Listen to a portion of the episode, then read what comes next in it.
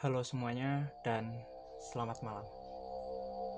Berjumpa dengan saya, sang narator dari podcast Sunyi Malam. Malam ini saya akan menceritakan cerita berdasarkan kisah nyata yang dialami oleh seorang warga. Nah, cerita ini tuh berasal dari sebuah desa di mana jembatan kecil menyimpan berbagai kisah orang yang melaluinya. Karena banyaknya isu dan cerita dari orang desa membuat jembatan itu memiliki nama Jembatan Merah. Rumornya, jembatan ini dibangun pada masa penjajahan yang penuh penyiksaan dan pertumpahan darah Bukan hanya itu, jembatan ini juga diapit oleh dua kuburan. Kebayang nggak sih? Kuburan di kanan kiri, sedangkan tengah-tengahnya adalah jembatan berlalu lalang. Nah, konon katanya di jembatan ini tuh sering terjadi penampakan. Jadi sumber cerita menyeramkan tuh dari jembatan ini di desa itu. Dulu tuh keadaan jembatannya nggak seperti sekarang ya. Ada sekarang sudah ada penerangan, sudah ada listrik. Nah pada zaman dahulu tuh belum adanya penerangan dan listrik itu cuma ada di pemukiman Nah, jadi cuma mengandalkan kleci sama obor atau patromas untuk penerangan jalan. Nah, tapi karena sedikitnya pemukiman, obor sama patromas tuh nggak ditaruh di jembatan itu. Karena masih seperti hutan.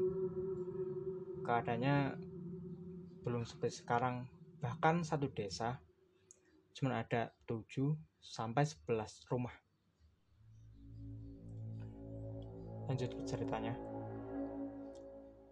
Salah satu yang pernah membuat geger warga desa adalah penampakan prajurit tanpa kepala. Semuanya bermula saat penjual donat pulang mengayuh sepeda. Pada pukul 11 dini hari, angin berhembus berbeda dari biasanya. Tidak lama kemudian, hujan turun cukup deras. Satu-satunya jalan pulang ialah melalui jembatan merah.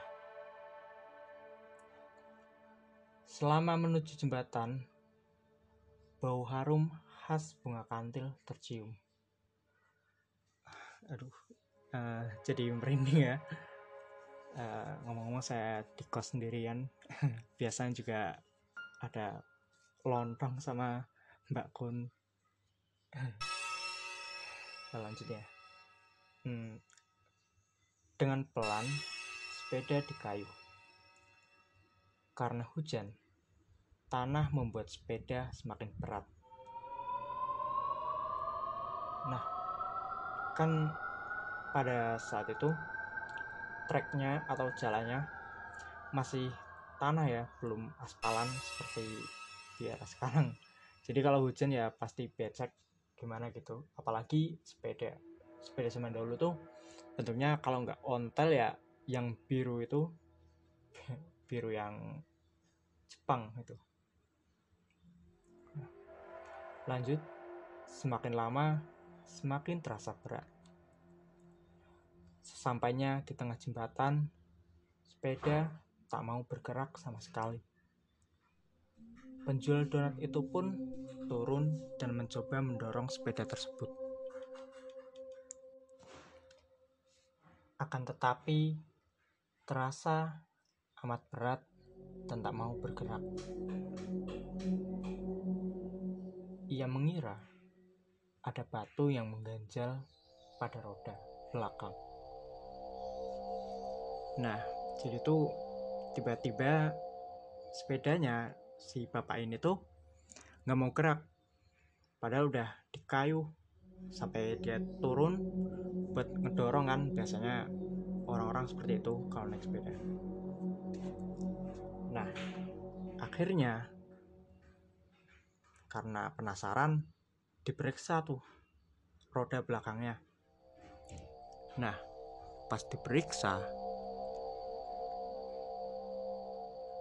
penjual donat itu tiba-tiba terdiam seribu kata.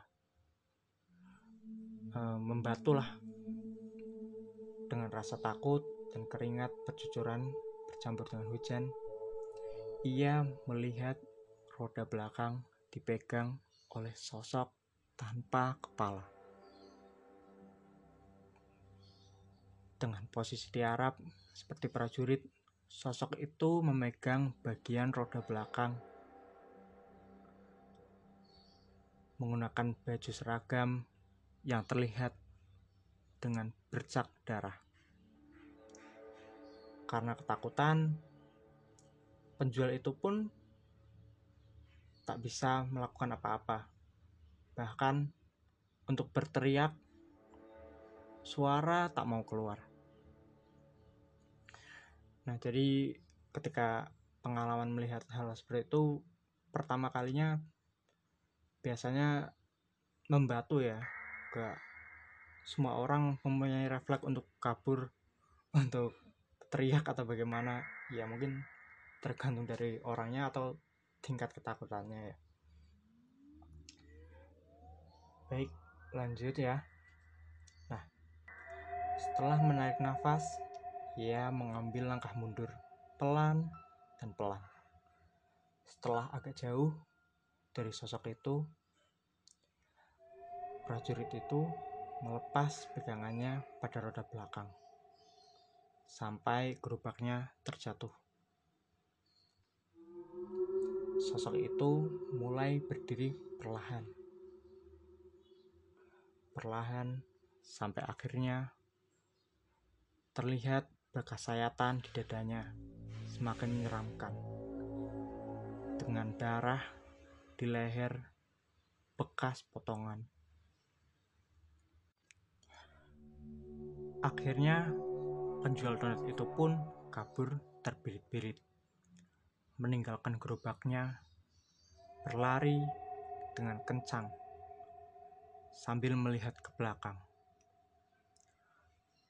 Sosok itu semakin dekat, dekat, dan semakin dekat.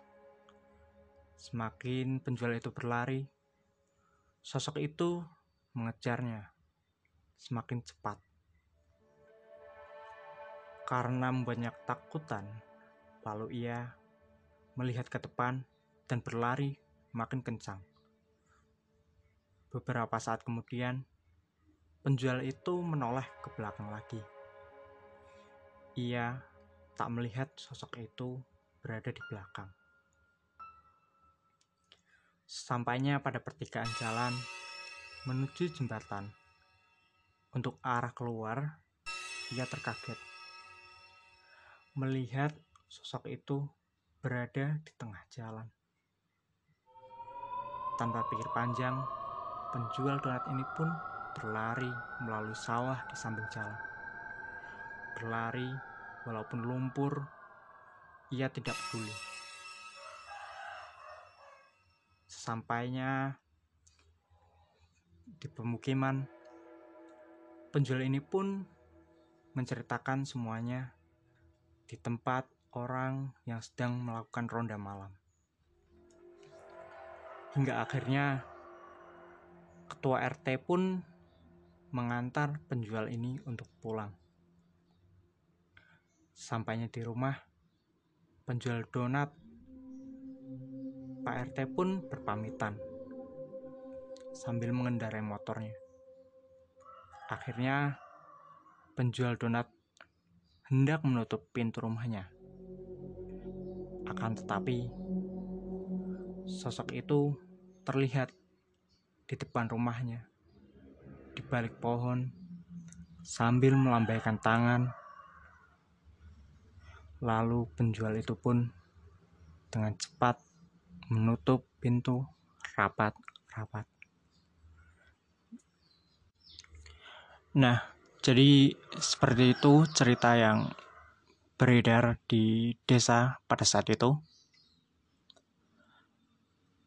Ah, gak kebayang ya gimana rasanya dikejar-kejar sosok prajurit tanpa kepala malam-malam jam 11 dini hari lari terbirit-birit.